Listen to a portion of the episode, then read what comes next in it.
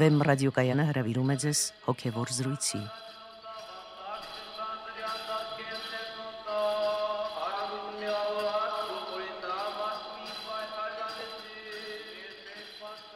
Բարև ձեզ հարգելի ունկնդիրներ։ Ձեզ հետ Մանուկ Երգինյանն է։ Այսօր մեր հարցազրույցը մկրտության վերաբերյալ է։ Իմ զրուցակիցը Տերմեսրոպ Քահանա Արամյանն է։ Օրհնեցեք Տեր այր։ Աստված օրհնի։ Տեր այր, ասվում է, թե քրիստոնյայի կյանքը սկզբնավորվում է մկրտությամբ։ Մկրտվել բառը ինքնին նշանակում է մաքրվել, սրբվել, լվացվել։ Բառի նշանակությունից իհարկե ենթադրելի է նրա հոգևոր իմաստը, այն է մեղքերից մաքրվելը։ Բայց մկրտության դերը քրիստոնեության մեջ կարծես թե հուշում է, թե այն ավելին է, քան սոսկական մաքրումը։ Այ ինչու՞մն է մկրտության նշանակությունը։ Մկրտությունը, ինչպես նկատեցիք, խորհրդանշում է մարդկանց մեղքերից ազատագրվելը։ Ընդհանրապես ինքը որպես սրբագործական ակտ հայտնի էր դեռևս հին կտակարանում Այսինքն հին կտակարանում մենք տեսնում ենք ջրով մաքրագործվելու արարողակարգեր։ Բացի դրանից նաև այդպիսի արարողակարգեր հայտնի էին նաև հին հեթանոսական միստերիաներում։ Ջուրը որպես մաքրագործման խորհրդանիշ նշանակ օգտագործվել է թե հին հրեական պաշտամունքի մեջ, թե հեթանոսական զանազան պաշտամունքներում։ Մենք տեսնում ենք, որ մեր Տեր Հիսուս Քրիստոսի վարդապետությունից անմիջապես առաջ Հրեաստանում մկրտում էր Հովանես Մկրտիչը, բայց նա իր մկրտությունը անվանում էր ապաշխարության մկրտություն եւ ասում էր, որ ապաշխարեցեք, որովհետեւ մերձեցել է երկնքի արքայությունը։ Եվ ասում էր, որ գալու է ինձանից ավելի հզորը, որի կոշիկների կապերը ես արժանի չեմ արցակելու, եւ նա ձեզ պետք է մկրտի Սուրբ Հոգով եւ կրակով։ Այսինքն ինքը Հովանես Մկրտիչը խոստովանում էր, որ իր մկրտությունը, որը նա անում է, կատարյալ մկրտություն չէ, եւ ըստ էության Հովանեսի մկրտությունը եզրափակումն էր հին կտակարանյան բոլոր մաքրագործական եւ սրբագործական ակտերի պիտի գար մեկը, որը էապես պիտի փոխեր այդ մաքրագործման իմաստը։ Ոչ միայն նոր երանգ պիտի տար այդ մաքրագործմանը, այլ պիտի տար էապես մի նոր բան, որը ճունեին հին ուխտի այդ սրբագործական ակտերը։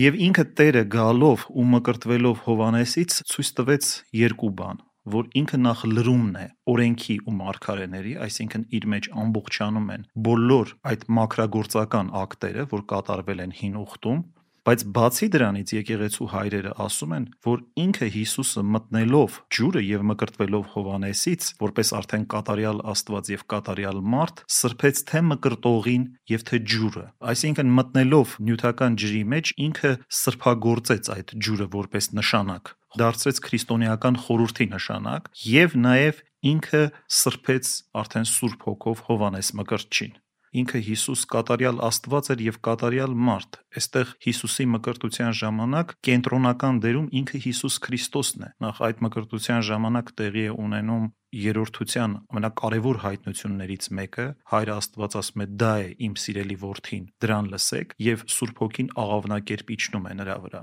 ինքը Հիսուս մտնելով այդ հին կտակարանյան մկրտության արարողության մեջ սրբագործեց այդ մկրտությունը այսինքն էափոխեց այդ իմաստը դա այլևս սոսկ մակրագործման ակտ չէր լինելու այլ լինելու էր Սուրբ Հոգով կատարվող մի նոր արարողություն Այսինքն այդ ջրից մարդիկ արդեն ոչ թե դուրս պետք է գային որպես պարզապես ինչ որ մեղքերից ազատագրվածներ, այլ այդ ջրից պետք է ծնվեին Քրիստոսի բերած նոր արարչության ծնունդները նոր worth-իները պիտի ծնվեին Աստծո, որոնք շնորհով պետք է worth-եգրվեին Հայր Աստծուն։ Այսինքն ինքը մտնելով եւ կատարելով այդ մկրտության ակտ, ապաշխարության, մկրտության արարողությունը, դա դարձրեց մեկ այլ բան, էափոխեց դա։ Եվ ըստ էության մկրտությունը դարձավ այն խորուրդը, որով մարդիկ ծնվում են ի Քրիստոս, այսինքն դառնում են Քրիստոսի փրկության հետևորդներ։ Ես ձեզ ուզում եմ ուղղել այն նույն հարցը, որը Նիկոդեմոսը ուղեց Քրիստոսին։ Ինչպես կարող է մարդ նորից ծնվել։ Իհարկե Քրիստոս պատասխանում է այս հարցին, նշելով հոգևորի գերազանցությունը նյութականի նկատմամբ, սակայն նրա պատասխանն էլ կարիք ունի որոշ բացատրության մեզ համար։ Քրիստոս շատ քիչ բան է ասում այս առումով Եվ ավելացնում է, որ եթե երկրավոր բաներ ասեցի ձեզ եւ չեք հավատում, ապա ինչպես պիտի հավատաք, եթե երկնավոր բաներ ասեմ։ Այս բառերը կարծես մատնանշում են, որ ինչ որ երկնային բան է կատարվում մկրտության ժամանակ։ Ինչ որ վեր ըմբռների վեր հասանելի ինչ որ մի բան է կատարվում։ Այ կարող եք բացատրել ինչ է դա։ Մկրտությունը կոչվում է հոգևոր ծնունդ։ Այսինքն համարվում է, որ մարդը մեկ անգամ ֆիզիկապես ծնվում է իր ծնողներից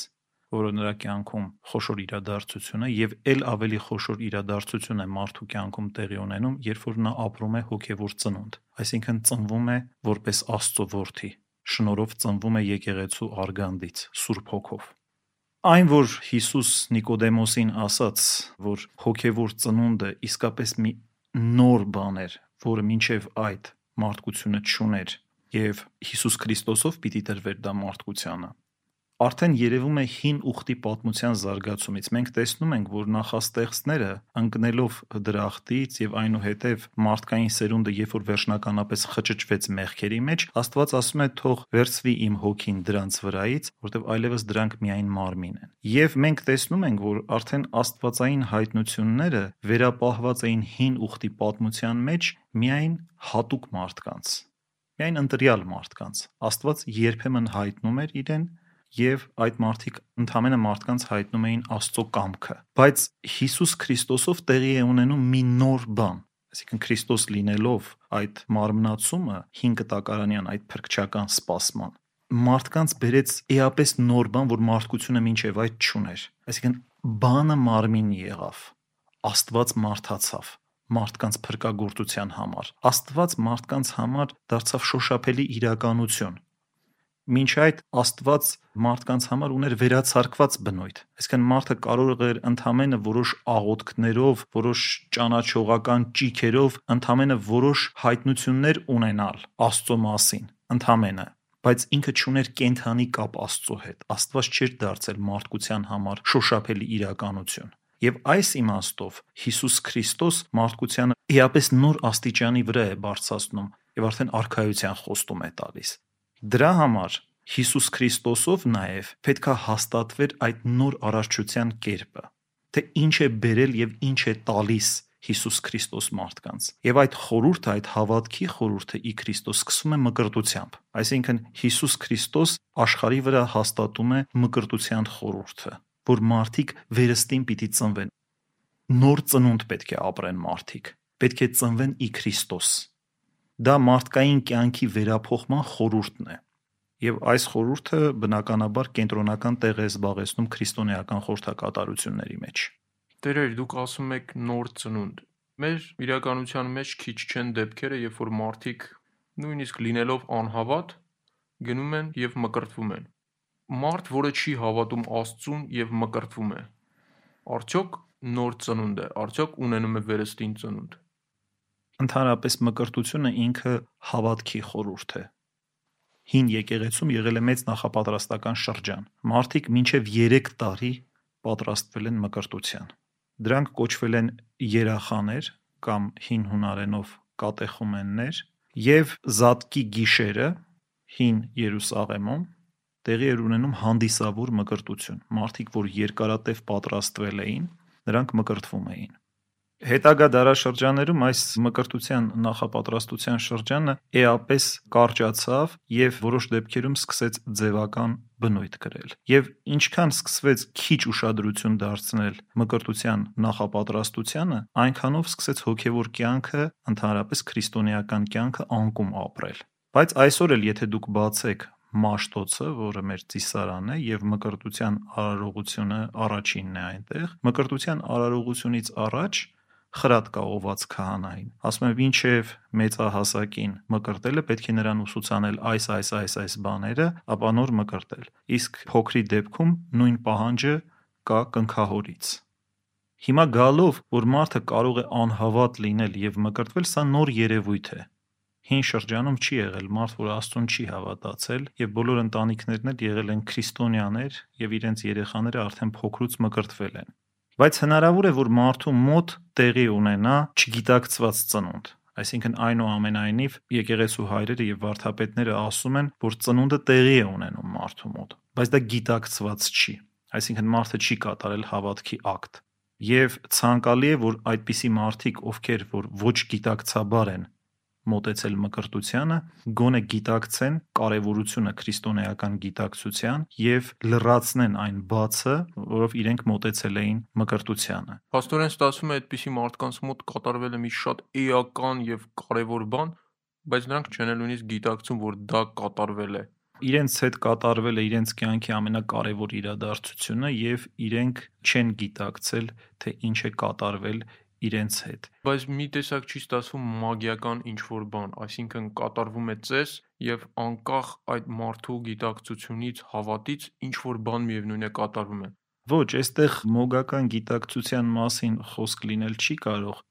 մենք կարող ենք խոսել ընդամենը շնորհառատության եւ շնորհի նվազության մասին։ Մենք տեսնում ենք, որ սուրբերի պարագայում, ովքեր որ պատրաստված են մկրտվել, օրինակ ասենք Բարսեղ կեսարացու մկրտության ժամանակ եւ այլն, ինչ մեծամեծ հրաշքներ են տեղի ունեցել։ Այսինքն, երբ որ մարդը պատրաստված է մկրտվում, նրա մոտ ոչ միայն տեղի է ունենում ներքին վերափոխման այդ հրաշքը, ներքին ծնունդի այդ հրաշքը, այլ նաև դա օրհնության առիթ է լինում շրջապատի մարդկանց համար։ Երբ որ մարդը պատրաստված չէ,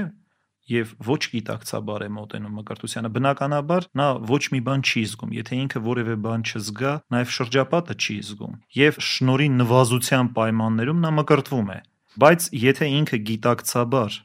հասկանա իր կատարած սխալը, դա նաև անարգանք է Աստծո նկատմամբ վիրավորանք է Աստծուն։ Հասկանա, գիտակցի եւ փորձի քրիստոնեական հավատքի մեջ հաստատվել եւ կարծում եմ, որ Աստված կների։ Տերեր, այ ասում ենք դա վերստին ծնունդ է։ Իսկ մարդ մկրտությունից հետո ինչ որ նոր բան զգում է իր մեջ, թե դա պարտադիր չէ անշուշտ պետք է զգա։ Ես ականատես եմ եղել շատ մկրտությունների, երբ մարդիկ իսկապես պատրաստված են եկել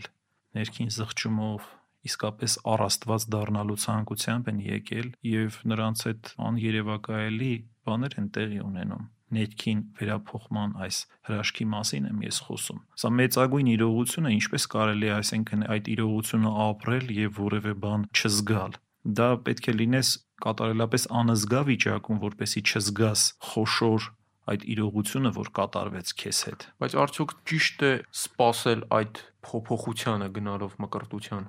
Գիտեք, շատ հաճախ նաև այդ փոփոխությունը տեղի է ունենում աննկատ, ոչ թե ակնթարթային, այսպես շատ շոշափելի կայծակնային ազդեցություն է մարդու վրա թողնում, այլ աննկատ, ինչպես ծառն է աճում ծառը աճում է, անմիջապես ծառը պտուղ չի տալիս, բայց կամած կամած աճում է եւ հետո նաեւ հրաշալի պտուղներ է տալիս։ Նաեւ աննկատ է լինում, բայց նույնիսկ այդ աննկատ փոփոխությունը մարդը արդեն իր կյանքում պետք է սկսի զգալ։ Եվ սա անպայմանորեն մարդը կզգա, եթե ինքը պատրաստված է մոտենում մկրտությանը եթե ինքը գիտակցում է այդ խորուրդի էությունը, եթե ինքը գիտակցում է, թե ինչ է նշանակում Աստծուն որդեգրվել։ Դերեր, դուք նշեցիք այն հին սովորության մասին, երբ մարդիկ երկար ժամանակ պատրաստվում էին մկրտության, Ես կարող եմ ավելացնել, որ շատ ժամանակ մարդիկ իրենց մահվանից առաջ նոր մկրտվում էին, օրինակ Կոստանդին Մեծը եւ այլ մարդիկ։ Արդյոք ճիշտ էր այդ մոտեցումը։ Ի վերջո մենք չգիտենք մեզ մահը երբ է սպասում։ Միգուցե այդ ժամանակահատվածում ընթացքում մենք մահանանք եւ անպատրաստ գտնվենք Աստծո առջև։ Նման օրինակ բաները իհարկե ընդունելի չեն եկեղեցու կողմից եւ եկեղեցին չի քաջալերում այդքան երկար ժամանակ առանց մկրտության մնալը։ Նույնիսկ ցանկալի է, որ երեխաները փոքր հասակում մկրտվեն պայմանով, եթե իրենք ունեն քրիստոնյա կնքահայր եւ ընտանիքը քրիստոնեական է, որպեսի այդ երեխաները քրիստոնեական դաստիարակություն ստանան, որտեղ որքան որ մարդը վաղ հասակից ձեռք բերի այդ մկրտության շնորհները, այսինքն ունենա ներքին թանձրացյալ հաղորդակցություն Աստծո հետ, այնքան լավ այդ մարդու համար։ Իսկ մկրտությունը դա հենց այդ ակտն է, Աստծո հետ քո ֆունդամենտալ ներքին հաղորդակցություն հաստատելու քո ակտն է։ Այսինքն քո մեջ Աստվածային տաճարի հաստատման ակտն է։ Որքանով որ շուտ այդ քո ներքին տաճարը, որտեղ որ դու հոգով եւ ճշմարտությամբ պիտի երկրպագես Աստծուն, հաստատվի այնքան լավ քեզ համար։ Իսկ դրանից կտրված լինել, դա նշանակում է մարդկային գոյության ամենակարևոր աղբյուրից ուղակի կտրված լինել դա այլևս կյանք չէ, որովհետև ըստ քրիստոնեական վարդապետության մարդու կյանքը դառնում է կյանք այն ժամանակ, երբ որ ինքը ապրում է Աստծո մեջ։ Տեր այլ իսկ ինչպես պատրաստվել մկրտությանը։ Ժամանակակից աշխարհում արդեն ընդունված է մկրտության նախապատրաստությունը անվանել կատեխիզմի որոշակի շրջան կամ քրիստոնեական վարդապետության ուսուցման շրջան։ Ցանկալի է, որ մարդիկ ճանաչեն քրիստոնեական հավատքի հիմնական դրույթները, ուսուցանված լինեն եւ ապա նոր մոտենան մկրտությանը։ Ինչպես նաեւ ցանկալի է, որ մարդիկ որոշակիորեն հաստատված լինեն Աստվածպաշտության մեջ, գոնե նվազագույն հաստատում ունենան, այսինքն իմանան ինչ է աղոթքը, ինչ է պահքը, ինչ է ողորմությունը, ինչ են առաքինությունները, ճանաչեն մեղքը եւ ինչպես հեռու մնան մեղքից, ապա նոր գան մկրտության, որովհետեւ իրենք վերստին ծնվելով մկրտությամբ կարող են անմիջապես մահանալ նորից մտնելով մեղքի ոլորտի մեջ եւ չճանաչելով հոգեվոր կյանքի օրինաչափությունները։ Ուրեմն մարդուց պահանջվում է թե գործնական աստվածպաշտական որոշակի պատրաստվածություն, թե նաև որոշակի դավանական, խոստովանական կամ տեսական պատրաստվածություն, որ մարդը ճանաչի, թե ինչի է ինքը հավատում, որտեվ իր այդ հավատքի խորուրդ է կատարում։ Մկրտություն դա հավատքի խորուրդ է։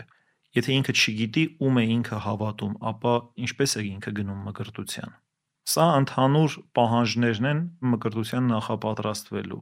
Մենք մեր ռադիոկայանով փորձում ենք նաև այդ քրիստոնեական վարդապետության բացը լրացնել եւ վարդապետություն ուղափառ հավատքի շարքը, որը ես վարում եմ, հենց նախատեսված է մկրտության նախապատրաստվողների համար նախ եւ առաջ իհարկե բոլորի համար ովքեր չգիտեն նրանց համար էլ է շատ կարեւոր կամ ովքեր անգիտակցաբար են մտածել մկրտությանը Ուրեմն այդ հաղորդաշարին հետևելով կարելի է նվազագույն պատկերացում ունենալ քրիստոնեական վարդապետության մասին։ Ես հույս ունեմ, երբ որ այս հաղորդաշարը ամբողջացնեմ, նաև ամբողջական գրքով հրատարակեմ, որպեսզի ամեն մարդ կարողանա մկրտությունից առաջ անհրաժեշտ նախապատրաստություն ձեռք բերել։ Եվ հույսով եմ նաև ձայնասկավառակներով։ Այո, հույսով եմ, որ այդ հրատարակության հետ կլինեն նաև ձայնասկավառակներ։ Տեր այր Հայ եկեղեցին մկրտում է նաև երեխաներին։ Երեխաների պարագայում իհարկե այդ գիտակցված հավատքը պահանջելը անիմաստ է։ Ինչի հիման վրա են մկրտում երեխաներին։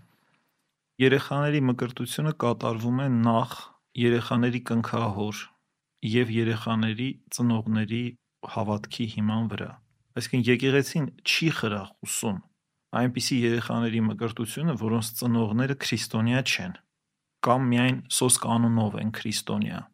եւ իրենք չեն կարող իրենց երեխաներին հոգեվոր դաստիարակություն տալ։ Բայց դա տարածված երևույթ է մեզանում։ Ցավոք սրտի տարածված երևույթ է եւ կարող եմ ասել, որ մեր հոգեվոր խնդիրների մի զգալի մասը հենց գալիս է այդ ցավալի երևույթից։ Արդյոք այն քահանան, որը կնքում է նման երեխայի պատասխանատվություն չունի ունի բոլոր հոգևորականներն էլ պատասխանատվություն ունեն, իրենք նախ պետք է պատրաստեն եւ ապա պետք է մկրտեն։ Սա անհրաժեշտ պայման է, այս պայմանը եկեղեցու հայրերի պահանջն է։ Եվ ծիսարանը, որը որ մենք կատարում ենք մկրտությունը մաշտոցը, ուղղակի խիստ պահանջ ունի, ասում եմ, ինչև մկրտությունը, սա պետք է անի քահանան։ Բոլոր հոգևորականներին է ուղված այդ պահանջը։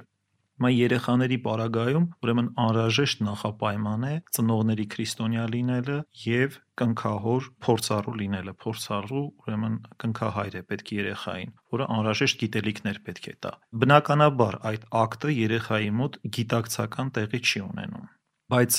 ով ասեց, որ երեխայի Աստված ճանաչողությունը ինչ որ առումով պակաս է մեծերի Աստված ճանաչողությունից։ Ոչ ոք չի կարող դա ասել։ Շատ բաներ, որոնք երեխաները զգում են անմիջականորեն, մեծերը շատ դժվարությամբ են զգում շատ հաճախ երեխաները շատ ավելի խորն են զգում Աստծո ներկայությունը, քան մեծերը։ Եվ ինքը մեր Տեր Հիսուս Քրիստոս ասեց, որ եթե ուզում եք մտնել երկնքի արքայություն, պետք է նմանվեք մանուկներին։ Ինչի համար Տերը այս խոսքերը ասաց։ Դա նշանակում է, որ երբեք մենք չպետք է թերագնահատենք երեխային եւ նրա աստվածճանաչողական կարողությունները եւ երբեք չպետք է խանգարենք այլ պետք է թույլ տանք, որ երեխան վաղ հասակից շփվի սրբությունների հետ եւ ներքնապես ճանաչի իր Տեր Աստծուն։ Տերեր, մեր եկեղեցում մկրտության խորհուրդը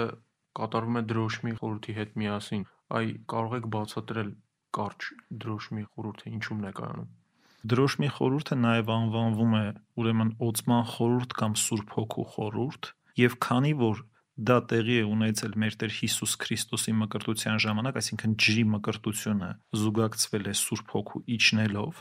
մեր Տեր Հիսուս Քրիստոսի վրա, այնպես էլ մենք այս երկու խորհուրդները միասին ենք կատարում եւ սրանք զուգակցված խորհուրդներ են։ Հնարավոր չի տարանջատել այս խորհուրդները իրարից։ Ինչու հնարավոր չի, որովհետև դա նախ տեղի ունեցավ մեր Տեր Հիսուս Քրիստոսի հետ։ Հետո դրա զուգակցումը մենք տեսնում ենք Մերոնի հեղումով ջրի մեջ։ Այսինքն դա պարզապես ջուր չի, դա Սուրբ Հոգու արդեն զորություն է ներարկված այդ ջրի մեջ, որտեղ Մյուրոնը խորհրդանշում է Սուրբ Հոգուն։ Եվ նաև հետո Մերոնով ուրեմն օծվում են եւ կնքվում են մարդու գլխավոր զգայարանները եւ կարևոր տեղերը պաշտպանության համար, ինչպես նաև դա լուսավորություն է մարդու համար եւ շնորհների ստացում է եւ Մյուրոնի օծումը ըստ էության լինելով առանցին խորուրդ եզրափակումն է մկրտության արարողության, որից հետո արդեն այլևս մարդը կարող է հաղորդություն ստանալ։ Տերեր, այ դուք նշում եք, որ ինչ որ նյութական բան խորհրդանշում է հոգևորը, ասենք դրոշմը խորհրդանշում է Սուրբ Հոգու շնորհները։ Իսկ ինչու է կարևոր այդ նյութական ակտը։ Չէ՞ որ հոգին նյութական է։ Ինչու մարդ չի կարող ստանալ Սուրբ Հոգու շնորհները առանց այդ նյութական ակտի շատ կարևոր նշանակներ կան, սիմվոլներ այսպես կոչված, որոնք գործածվում են քրիստոնեության մեջ եւ ինքը Տերը անգամ գլխավոր խորհուրդը, որ հաղորդության խորհուրդն է, հացով եւ գինիով ավանդեց, որովհետեւ ըստ էության խորհուրդը ինքը ունենալով բացառիկ աստվածային բնույթ կարող է անհասանելի լինել մարդու համար, եթե զուգակցված չլինի զգալի նշանակի հետ, սիմվոլի հետ կարող է վերացարկված մնալ, ռեալ չդառնալ մարդու համար։ Դա մա շատ կարևոր է եւ դա նաեւ արտահայտված է հենց տիրոջ մարդեղությամբ, Աստծո որդու մարդեղությամբ։ Ինչու Աստված մարդացավ։ Ինքը կարող էր առանց մարդանալու էլ մարդկանց փրկել, բայց այդ ժամանակ փրկagorցությունը կմնար անհասանելի եւ անշոշափելի մարդկանց համար։ Իրական չէր լինի մարդկանց համար։ Մարդը չէր կարող այդ ճանապարհով գնալ։ Հեմպես էլ այստեղ քրիստոնեական խորհրդակատարությունների մեջ գործածում են որոշակի նշաններ եւ նշանակներ, որոնք դռներ են դեպի աննյութականը։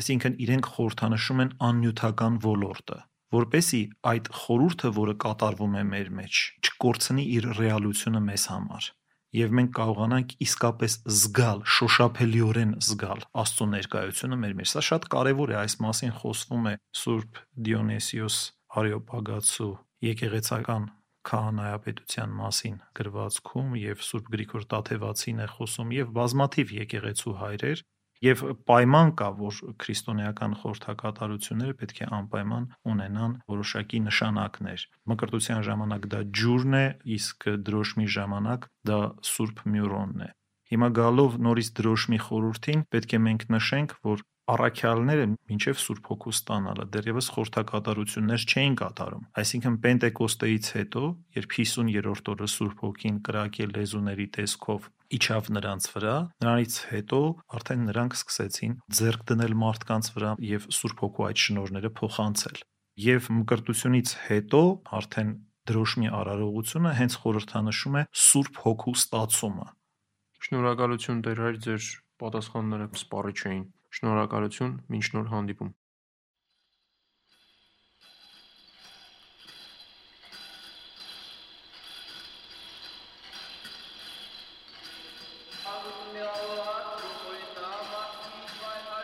Հոգևոր զրույցներ հաղորդաշարի հերթական հաղորդումը վարեց Մանուկ Հերգնյանը։